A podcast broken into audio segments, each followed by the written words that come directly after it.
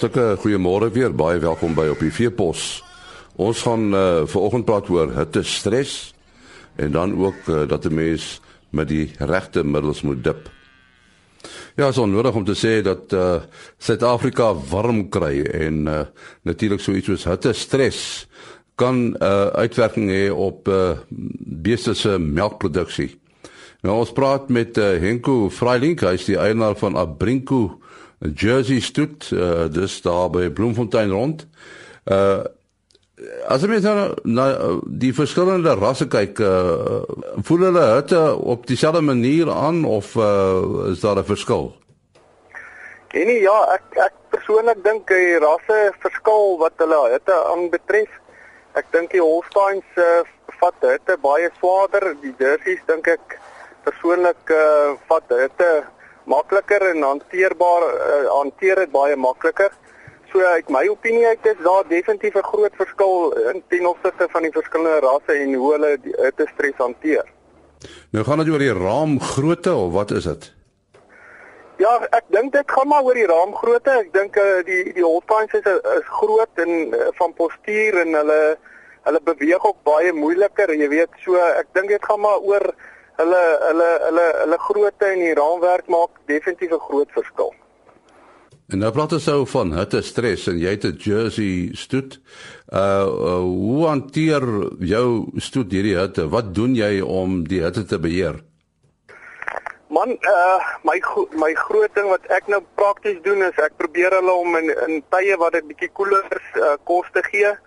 Uh ek het ondervind dat as indien jy hulle gee wanneer dit baie warm is, dan is hulle baie gem, hulle hulle sukkel om te eet. Hulle wil nie gaan eet nie en dit het nou ook navolge soos uh uh vierpens en daai tipe van goeders, maar ek probeer regtig vir hulle op koel tye te gee. Ek probeer die water so naas moontlik aan hulle uh lêplekke te kry sodat hulle nie vir hoef te stap nie en dan probeer mense hulle maar onder koel te kry, jy weet, soos bome, natuurlike strukture te kry om hulle bietjie te help met die hittestres. As ek so na jou luister dan dan, dan uh, is jou beeste op natuurlike weiding ekstensief.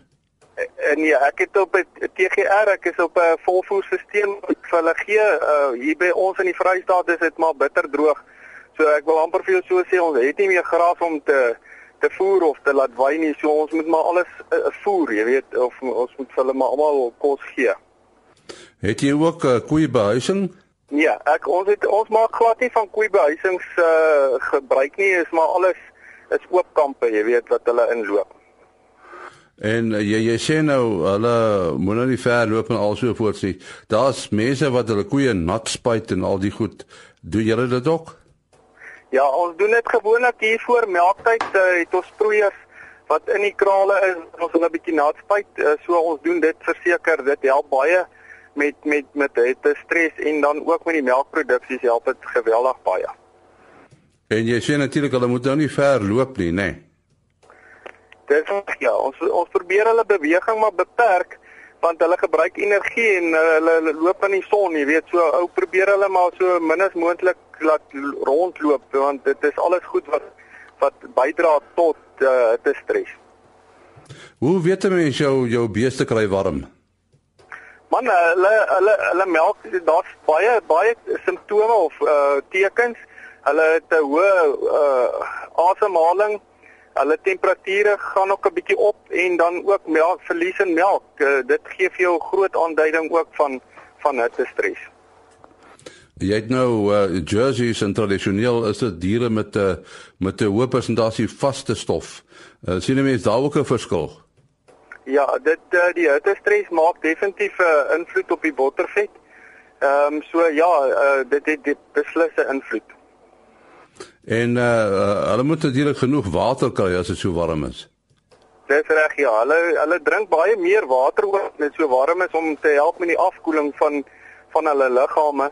So uh, dis hoekom dit vir my baie belangrik is om vir hulle vars water, skoon water te gee en dan ook jy weet soos ek reeds genoem het baie hulle moenie te ver loop om water te gaan haal nie. En hoe groot is jou uh jou kudde? Ek uh, ek het 'n kudde van so 200 jerseys wat ek tans melk en uh ja, en hulle is op 'n TGR stelsel. Ja, die mielieprys eet jy seker 'n bietjie op die oomblik. Ja, verseker, dit doen nogal. Ons uh, insetkoste is baie hoog veral onder die mielieprys en dan ook met die daling van die melkprys uh, sit dit ons nogal onder 'n geweldige druk wat dit aanbetref, jy weet, so ja, dit dit nou ons maar 'n bietjie. En jou stal gemiddeld hoeveel uh hoeveel liter melk per koei per dag? Oh, stal gemiddeld op die stadium is so 25 liter per dag. Uh, het jy al beter gedoen as dit? Ja, ek het al verseker beter gedoen, maar soos ek sê, die die die voeding speel 'n groot rol op jou produksies. Nou, ons sê baie dankie aan uh, Henko Freilink. Hy is daar van Abrinko uh, stoetery en dit is uh, daar naby Bloemfontein.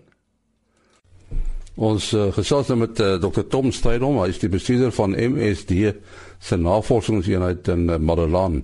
En ons wil 'n bietjie met hom praat oor uh, dat jy moet dip in die regte middels. Uh, daar sou ons wat sogenaamde cocktails aanmaak met met die dippery. Uh, is dit gewens uh, Tom? Nee nee nee, dit is natuurlik een van die grootste wanpraktyke ek dink ek by baie boere toepas is um, om hulle eie opgietmiddels of ek soos ek hulle sommer noem hulle eie home brews te maak.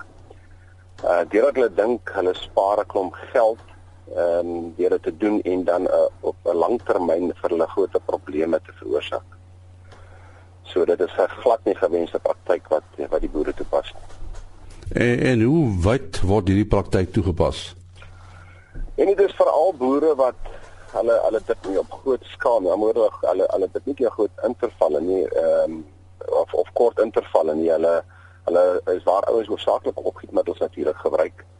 Ehm um, ek wil byvoeg teen teen behalwe dat dit natuurlik nie 'n gewenste praktyk nie, is dit onwettig om sulke goeders te doen. Jy weet geen geen uh, diereeienaar of of boer mag produkte op hul diere toedien wat nie by wet 36 geregistreer is om uh, vir enigiets te behandel nie. Maar is dit nie baie keer radeloosheid nie want uh, daar's dan nou soveel weerstand teen bosluis. En nee, ja, uh, jy weet die die ironie van die saak is dat uh, die die grootste uh wat kan ons sê die die mees algemene praktyk om hierdie eie opgemiddels te maak is deurdat hulle supermatrien gebruik. Dit is 'n 'n produk wat vir plantplaag geregistreer is. Uh wat hulle die konsentraat vat en dan meng met enige olie wat hulle in die hande kan kry, soos byvoorbeeld kookolie of uh ek het alselfs gehoor ouens wat ou trekkerolie gebruik of sitrusolie. Met ander woorde gebruik enige oliebasis dan meng hulle die supermatrien en die die weerstand wat ons in bosluise sien en blou bosluise sien is die mees algemeenste is teen die piritroïde in elk geval. So uh, dit dit uh, hulle gaan eerder meer 'n groter kans dat hulle weerstand gaan ontwikkel op die plaas as wat as wat uh, hierdie ding 'n weerstand gaan voorkom of of gaan oorkom wat daar uh, teenoorig mag wees. Nou nou Tom, hoe kan 'n mens weerstand voorkom? Moet 'n mens maar jou jou middels wissel verskillende soorte? Nee nee nee, glad nie. Ehm um, vandag natuurlik is omdat ehm uh, blou bloubos is weerstand 'n uh, realiteit is en, en meer algemeen vir ons raak in die land en meer groter groter probleem. As 'n boer vermoed daar weerstand op sy plaas is, moet hy heel eerste ehm um, moet hy vir ons dat hy sy bosseisoen laat toets met almal ons bepaal in die laboratorium teen watter aktief of dit nou organofosfaat of 'n piritroïd of 'n amidine soos byvoorbeeld amitraz kan ons bepaal watter aktief is die mees effektiewe. En dan sal ons vir die boer aanbeveel gebruik daardie aktief solank as wat hy doeltreffend is op die plaas om die boslisse te beheer. Slegs wanneer daai die groep aktiewe nie meer effektief is nie, dan eers skakel ons oor na ander uh, na ander groep van aktiewe. Met ander woorde, ons uh, as hy met piritride probleme met hom die ag um, as pro, uh, die piritride nog steeds effektief is, moet hy aanhou met 'n piritride totdat hy nie meer effektief is nie en dan skakel hy oor na organofosfaat of amidin byvoorbeeld. Maar ons beveel glad nie die afwisseling van produkte aan. En ek wil net by sê die die groot ding van die van die opgietmiddels is uh, ons vir elke produk wat ons registreer vir produksiediere, met ander woorde diere wat geskik is ja van die vleis geskik is vir menslike gebruik, word daar onttrekkingsperiodes bepaal. Met ander woorde ons moet die residue van die aktiewe bestanddele in hierdie diere moet ons bepaal oor nadat die die diere behandel is hoe gou of uh, wanneer is hierdie hierdie weefsel of hierdie vleis geskik vir menslike gebruik. En 'n boer wat sy oeye opgiet met ons maak het geen idee watter wat is die onttrekking van haar aktiewe nie. Ek dink een van die grootste foute wat boere maak is dat hulle dink dat hierdie aktiewe bestanddele gaan in die bloedstroom van die dier in en op sodoende maak dit bosluise dood. Hierdie middels is nie sistemiese middels nie. Die opgietmiddels wat ons as as farmaseutiese maatskappye vervaardig, dit is kontakdoders. Met ander woorde, die aktiewe bestanddele moet versprei buite op die dier se lyf om elke bosluis wat op die dier is te bereik en hulle sodoende te affekteer. Die boere glo dat hierdie middels gaan deur die vel in die bloedstroom in en dan wanneer die bloed die bosluis se bloed suig dan vrek hy. En dit is 'n totaal alle wanpersepsie. Van die aktiewe gaan wel in die dierslim, maar dit gaan sit in die vet en die vleisweefsel. En dis daar waar dit dan ook gevaarlik raak vir mense om hierdie vleis te gebruik. As daar byvoorbeeld 'n uh, dierbehandel is en ons het nie onttrekkingsperiode nie. So dit is een van die groot probleme. Een van die ander probleme wat ons het is wanneer jy 'n uh, oliebasis vat, die, die olie wat die boere gebruik en hy gooi die supermetrien konsentraat by en jy los dit vir 'n periode, skei die twee totaal uit. Die olie gaan lê bo en die supermetrien gaan lê onder. En presies dieselfde gebeur op die bees. Met ander woorde, wanneer hierdie olie nou begin afloop, gaan daar al minder minder van die aktief loop saam met dit af aan die buitekant van die dier dat die onderste dele van die dier in die bosluise word aan laer konsentrasies van die aktiewe bestanddele blootgestel en sodoende gaan dit ontwikkel ag 'n bydra tot die ontwikkeling van weerstand op daai plaas. Ja, die feit dat dat, dat die boere hierdie soort van geloof het dat uh, hierdie middels eintlik amper sistemies is, uh, is dit onvoldoende voorligting. Ek dink dit is totaal al wan wan uh, ja, dit is 'n uh, wan 'n uh, gebrek aan kennis. Weet, ek het al hoeveel gevalle gekry uh waar boere my gebel het en dan praat hulle van hierdie sistemiese middel wat hulle gebruik en dan kom ek agter dit is maar net 'n doodnormale opgietmiddel uh soos byvoorbeeld ons delete all wat gebruik word. Ehm um, en afglo dat hierdie goeders werk sistemies. Dit is dit is kontakdoders. En hierdie middels word geformuleer. Hulle het verskillende adjuvante in en draers om te help met die verspreiding van die aktiewe bestanddele buite op die dies. So dit is totaal en al 'n wanbegrip en gebrek aan kennis wat boere hierdie hierdie praktyk toepas. Kies jy sommer nie gesien dat daar selfs veeartse is en uh, ek selfs met kollegas van my gepraat wat daai persepsie gehad het dat hierdie middels uh, sistemies werk. So ek dink dit is een van die groot dinge wat ons het om om om die boere bewus te maak dat hierdie middels is kontakdoders. Vir Tom jou telefoonnommer? Uh nee, hulle kan my skakel by 083 261 5891. Dit is my selnommer of by die kantoor by 013 792 4518. Baie dankie dokter Tom Seidom. Hy is die bestuurder by MSD se navorsingseenheid in Marula. Net vir daai selnommer 083 083 261 5891.